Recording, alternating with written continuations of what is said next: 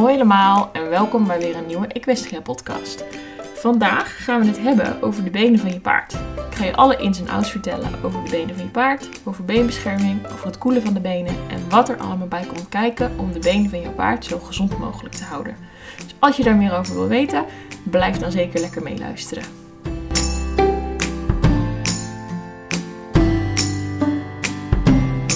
We gaan het vandaag dus hebben over de benen van je paard. En ik ben op dit onderwerp gekomen doordat ik een artikel las van een uh, student van de Middle Tennessee State University die een onderzoek gedaan heeft naar de temperaturen onder beenbescherming bij paarden. Nou weten we natuurlijk al jaren dat beenbeschermer best wel een uh, ja, soort duivels dilemma is. Aan de ene kant worden de benen warm onder de beschermer. Aan de andere kant beschermt de beschermer wel weer de benen. Dus hè, welke van de twee kies je? Waar ga je zitten op de weegschaal? Dat is altijd eigenlijk een moeilijk ding. Nou ja, in dit onderzoek heeft deze uh, student dus geprobeerd om objectief te maken wat nou een goede keuze zou kunnen zijn. Hij heeft zes verschillende soorten beenbescherming getest. De traditionele neoprene beenbeschermer, ja, die je vroeger altijd op de manege, uh, als je dan iets uit mocht kiezen, je koos dan een beenbeschermer, dan kocht je die. Echt de, de simpele harde schaal pijpenkousen. Dan een geperforeerde neopreenbeschermer, zoals we ze tegenwoordig veel zien, zoals een Lumieux Snugwood. Um, of van die uh, soort crossbeschermerachtig idee, die 3-in-1 beschermers. Een neopreenbeschermer gemaakt van Stomatex. En dat schijnt dus een nog beter ademend materiaal te zijn. Dan een cross-country beschermer, dus echt een eventing beschermer uh, met, een, uh, met een plaat erin. Dus een wat zwaardere beschermer die ook waterdicht is. Dan een elastische bandage of een trainingsbandage. En een vliesbandage, die je dus meestal uh, bij een leuk setje kan kopen van een, een, een Anki of een, uh, een BR of nou ja, dat soort dingen. Deze zes soorten heeft hij vergeleken. Nou, en wat is er gedaan? De paarden hebben elke beenbeschermingsmethode 20 minuten omgehad. En de, de, dat roteerde over zes oefenperiodes. Ze droegen het 20 minuten. Uh, en dan deden ze aan uh, lichaamsbeweging, dus dan werden ze gereden. En dan werd aan één kant werd de beenbeschermer omgedaan en aan het andere been niet. En na 20 minuten hadden ze 180 minuten de tijd om dus het been wat de beenbeschermer omgehad heeft, eigenlijk te laten koelen als dat nodig was, naar de lichaamstemperatuur van het andere been. Dus de temperaturen moesten uiteindelijk natuurlijk vergelijkbaar zijn. Nou, daarna hebben ze een speciaal apparaat gebruikt om elke minuut de temperatuur en de vochtigheid van de benen te meten. Nou ja, dat, wat kwam daaruit?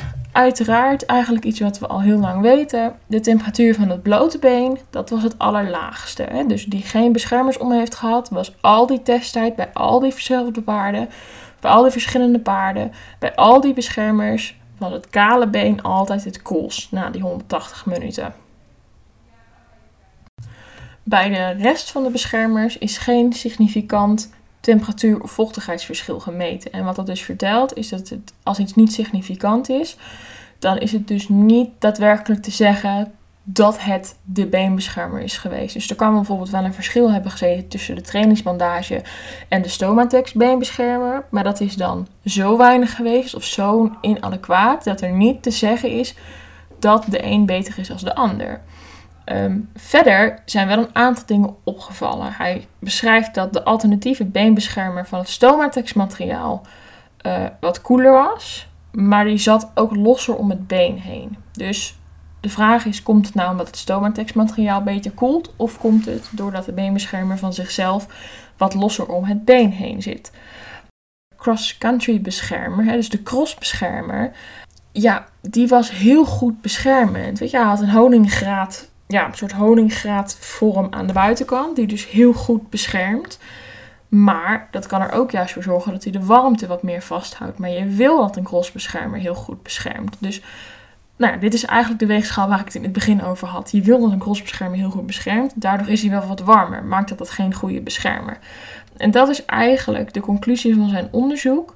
Uh, is er moet wat meer onderzoek gedaan worden ook nog naar. Maar je kan niet alleen op warmte zeggen dat een paard wel of geen beenbeschermer om moet. Het enige wat hij nog omschrijft is de benen met beenbescherming bereiken temperaturen die de P-cellen negatief beïnvloeden. En daar wil ik het nu eigenlijk over gaan hebben. Dus als we een stukje zijn onderzoek eventjes afsluiten. Dus hij geeft eigenlijk aan alle beenbeschermers waren warmer dan het been zonder beschermer. Alle beenbeschermers bereikten een temperatuur waardoor P-cellen negatief beïnvloed werden. Um, maar de conclusie is eigenlijk, je kan niet stellen dat beenbeschermers goed of slecht zijn, omdat de, de functie die ze hebben is het been beschermen. En dat heeft in die definitie niet per se iets met de temperatuur te maken, buiten dat ze de B-cellen negatief beïnvloeden en het dus daar eventueel mee zouden kunnen beschadigen. Dat die warmte de B-cellen negatief kan beïnvloeden, dat uh, weet eigenlijk iedereen wel. Hè? Dat uh, vertelt iedereen ook wel van ja, beenbeschermers, nee, je moet luchtige beenbeschermers hebben, want als de benen te warm worden, dan is dat negatief voor de pees. Maar waarom is dat nou zo? Heel veel mensen uh, weten eigenlijk niet waarom het zo is.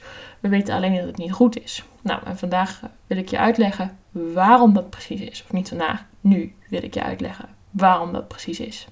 Maar daarvoor moeten we eerst gaan kijken wat peesweefsel nou eigenlijk is.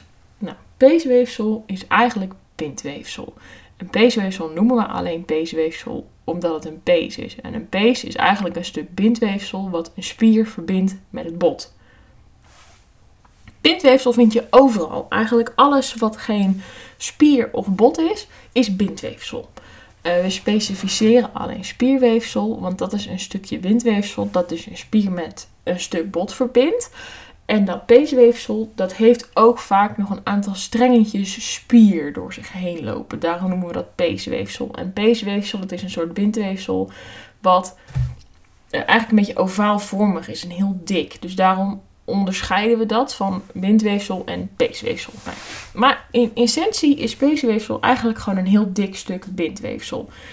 En bindweefsel bestaat uit uh, collagene vezels, uit matrix enzovoort. Daar ga ik het zo meteen een klein stukje over hebben, maar ik ga het je niet in detail uitleggen. Maar wat je vooral moet weten voor die warmte is dat peesweefsel fibroblasten heeft. En, en fibroblasten, dat zijn de cellen die bindweefsel, dus het peesweefsel, maken. En daar heeft die warmte vooral effect op. Want dat zijn nogal, uh, ja, die willen graag perfecte arbeidsomstandigheden. Anders voeren ze hun werk niet uit. Fibroblasten werken het best bij de lichaamstemperatuur van je paard. En anders weigeren ze het dienst. Nou ja, wat betekent dat? Um, op het moment dat je gaat rijden met je paard, maak je wat schade. Hè? Dat vertelt ook altijd iedereen. Ja, als je gaat trainen, dan creëer je schade en dat wordt later weer hersteld en daardoor word je beter. Nou, eigenlijk in Japanse taal uitgelegd klopt dat. Als we iets verder in detail gaan, is het zo dat je in die base matrix schade maakt. En je moet je voorstellen dat zo'n zo'n base, zo'n stuk bindweefsel, zo'n base, bestaat uit vezels. Dat zijn de collagene vezels. En dat zijn eigenlijk de strengen die de base maken. Maar om ervoor te zorgen dat het niet één bos kluwe touw wordt, zit daar matrix tussen. En daar wordt water mee gebonden. Dus je hebt eigenlijk een strengetje en dan water ertussen. En een strengetje en dan water ertussen. En daartussen zitten allemaal zijtakjes. En dat is een soort kerstbomen van een kerstdorp, weet je wel. Die je bij de Action haalt, zeg maar. Van die, van die neppe kerstbomen. Plakt dat zo in elkaar. Dat in heel veel aan elkaar geplakt maakt een pees. Op het moment dat je dus gaat rijden of jouw paard denkt, ik ga lekker in de wei galopperen, um, ja, komt die pees onder kracht te staan. Daar wordt aan getrokken, daar wordt aan geduwd. Nou, en als je aan zo'n streng kerstboompjes gaat trekken en duwen, dan vallen die kerstboompjes ook wel eens uit elkaar. Nou, als zo'n kerstboom van de ene kant loslaat van de andere kerstboom, dat water wat daartussen zat, dat waait weg. Dat water wordt afgebroken. Uh, en daardoor krijg je dus schade. Nou, dat noemen ze dus matrixschade. Soms breekt er namelijk ook wel eens een takje af. En als je dan klaar bent met trainen, dan moet dat weer hersteld worden. En dat is wat de fibroblasten doen. Dus normaal niks aan de hand. Weet je, hoppatee, dat gaat daar meteen naartoe. Gooit er weer water in. Daarom moet je altijd goed hydrateren als je gewerkt hebt. Hè? Water toevoegen, want dat wordt daar gebonden in je lichaam. Zodat dat weer kan herstellen, dat bindweefsel. Hoppatee, alles er tegenaan tieven, ga maar door. Uh, en dan is het weer gemaakt. Alleen, zoals ik net al zei, het zijn een beetje vervelende dingen. Want ze werken alleen maar in de perfecte arbeidsomstandigheden. Dus als het been te warm is, dan denken die fibroblasten: ja, maar hier ga ik niet in werken. Hè? Die gaan we niet doen. We gaan wachten tot het afgekoeld is. Nou en dat is eigenlijk het kritieke punt. Want dan heb je dus een pees die wat zwakker is. Um, lang niet zo dat als je er tegenaan tikt dat hij scheurt. Uh, maar een pees die ietsje zwakker is en op het moment dat er dan een hele grote kracht op komt te staan, dan kan het zijn dat er een klein beschadigingetje komt. Ehm, en dat kan, als dat dus herhaaldelijk voorkomt, later uitgroeien tot een wat groter probleem of iets wat die pees wat zwakker maakt. Wat daarin vooral heel belangrijk is, is de turnover rate. En de turnover rate, dat is een waarde die we stellen um, wanneer het lichaam een stuk weefsel compleet vervangen heeft. Dus bijvoorbeeld van jouw hersenen, hè, er gaan altijd wel hersencellen dood en er worden weer nieuwe hersencellen aangemaakt. Alleen de mate waarin hersencellen doodgaat, dat gaat harder dan jouw leven. Dus je moet je voorstellen, de turnover rate van je hersenen is bijvoorbeeld 300 jaar. Nou, zo lang hou je het niet uit. Dus niet heel jouw hersenen worden door jouw leven vervangen. De turnover rate van botweefsel is bijvoorbeeld 6 weken. Want na 6 weken zit je arm weer aan elkaar. Um, dus elke 6 weken wordt jouw bot, zeg maar, vernieuwd. Nou, bij bindweefsel is dat 4 tot 10 dagen. Dus het is vrij kort. In 10 dagen is de pees die jij had een hele nieuwe pees geworden. Alle cellen zijn nieuw. Alle oude cellen zijn opgeruimd, zijn allemaal nieuwe cellen geworden. Dus als we dan kijken naar peesblessures die ontstaan naar aanleiding van zo'n fibroblast die een keertje dienst weigert na het rijden, omdat het been iets te warm geworden is, dan kan je dus zien dat als dat één keer gebeurt, dat het geen probleem geeft. Want na tien dagen is die pees opnieuw, uh, is het helemaal nieuw en zijn de cellen die die schade opgelopen hebben, zijn weg. Maar gebeurt het twee keer of gebeurt het wel vijf keer binnen die tien dagen, ja, dan kan het zo zijn dat het daadwerkelijk een probleem gaat geven. En dan krijg je ook dat die turnover rate dus wat langer gaat duren. Dus hoe langer dat been warm is, hoe langer die fibroblasten minder werken, hoe langer het duurt voordat een nieuw peesweefsel aangemaakt is. En vaak zie je dat daar dus de problemen in ontstaan. En dan hebben we het dus over paarden die bijvoorbeeld de hele dag naar buiten gaan met de beenbescherming om. Zoals ook weer in dit onderzoek aangetoond is, zijn de benen onder een beschermer, wat voor beschermer dan ook, warmer dan een kaal been. En dermate warmer dat ze een negatieve invloed hebben op die fibroblasten en dus op dat herstel. Wat betekent dat die pees eigenlijk ook een minder goede arbeidsomstandigheid heeft. Maar dat paard gaat wel uit je knetter, want hij heeft niet voor niks beenbeschermers om. Dus eigenlijk krijg je een hele hoge belasting die door de bescherming ook nog eens gedaan wordt op een afgezwakte pees, op een afgezwakte bindweefselstructuur. Ja, en dat kan, kan dus wel eens een probleem geven. Wat echter wel heel belangrijk is om te weten, is dat een peesblessure, dus echt een grote schade in een pees, niet zomaar ontstaat door een te warme beenbeschermer. Het kan echter wel een bijkomende factor zijn die mogelijk invloed heeft op het ontstaan. En dan hebben we daar het magische antwoord: koelen. Dan gaan we dat been gewoon koelen. Nou, hartstikke goed. Heel veel mensen die denken dat koelen van het been er is om ehm, de doorbloeding beter of minder goed te laten lopen. Ik weet niet goed wat de gedachte daarachter is. Omdat, ehm, ja, als je de bloeding beter wil laten lopen, is koelen niet zo handig. Want dan worden de bloedvaten smaller. Uh, dus je zou op zich alleen maar krijgen dat de bloeddruk in dat been wat verhoogt. Waardoor je afvalstoffen sneller af kan voeren. Dat zou ontzettend handig zijn, waren het niet dat er geen spieren in het been zitten. In ieder geval niet vanaf de knie naar beneden.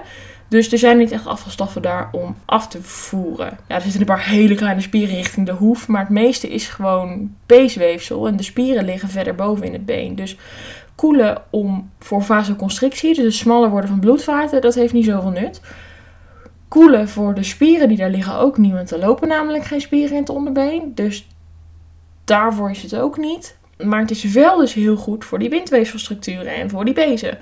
Daarvoor doe je het koelen. Ja, je zorgt er namelijk voor dat die te warme temperatuur, die die fibroblasten dus niet leuk vinden, die die pees straks weer moeten gaan herstellen, die die matrix moeten gaan maken, dat het sneller weer de optimale temperatuur is. En dat die dingen denken, nou ja, nu moeten we wel aan het werk, want nu komen we er niet meer onderuit.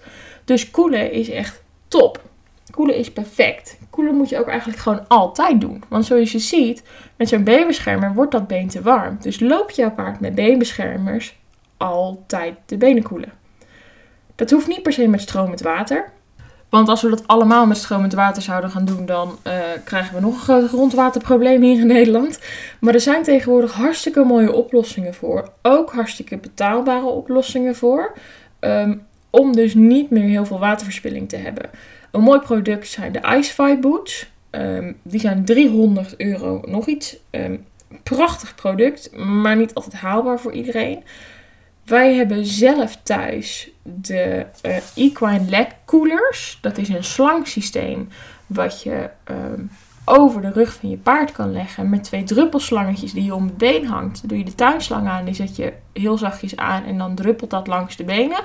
Perfect, veel minder waterverspilling, maar toch dat gekoelde effect. Ehm, en ik heb cooling boots. En dat zijn dus eigenlijk een soort transportbeschermerachtig idee. Met aan de binnenkant zo'n soort koelmatje voor honden, zeg maar. Zo'n idee. Dat leg je in het water, knijp je uit, doe je om de benen van je paard. En dan koelt dat dus door middel van de thermoregulatie van het water die temperatuur opneemt. Um, dat zijn echt mijn lievelings, want het is super makkelijk. Je hebt geen geklieder met water, met afspuiten en dergelijke. Um, dus dat werkt echt top. Dus mocht je nog zoiets zoeken, dan is dat echt een aanrader. Uh, en anders gewoon beentjes koelen met water, 10 minuutjes, werkt ook perfect. Je kan ook nog een cool gel gebruiken. Uh, ik ben zelf meer, meer fan van het koelen met water, omdat water echt een thermoregulerend effect heeft. Dus wat dat betekent is dat water de, uh, heeft de eigenschappen dat het temperatuur op kan nemen. Dat het warmte op kan nemen. En een cooling gel is meer een gel die dus, nou de, de gelsubstantie neemt ook wel wat op. Uh, maar die vooral veel stoffen bevat die dus het been koelen. Denk aan een menthol en die een verkoelend effect geven. Um, maar ik weet niet zo goed, ik heb daar niet per se echt onderzoek naar gedaan, hoeveel effect zo'n cooling gel nou echt heeft in het koelen ten opzichte van die diepere structuren zoals zo'n fibroblast. Um, dus ik ben altijd team afspoelen met water of de Equine leg of dus de, de cold wraps. Um, maar dat zou ik uh, altijd aanraden om te doen. In deze kort maar krachtige podcast heb ik je van alles verteld over de benen. We hebben het gehad over fibroblasten. We hebben het gehad over de opbouw van het been van het paard. We hebben het gehad over koelen en over peesweefsel. En uh, we hebben het over allerlei onderwerpen gehad. Mocht er nou iets zijn waarover je meer wil weten, stuur me dan zeker een berichtje op social media als je een vraag hebt. Uh, of stuur een mailtje. En ik hoop dat je de podcast weer heel erg leuk vond. En dat je de volgende keer er weer bij bent. En voor nu, uh, doeg!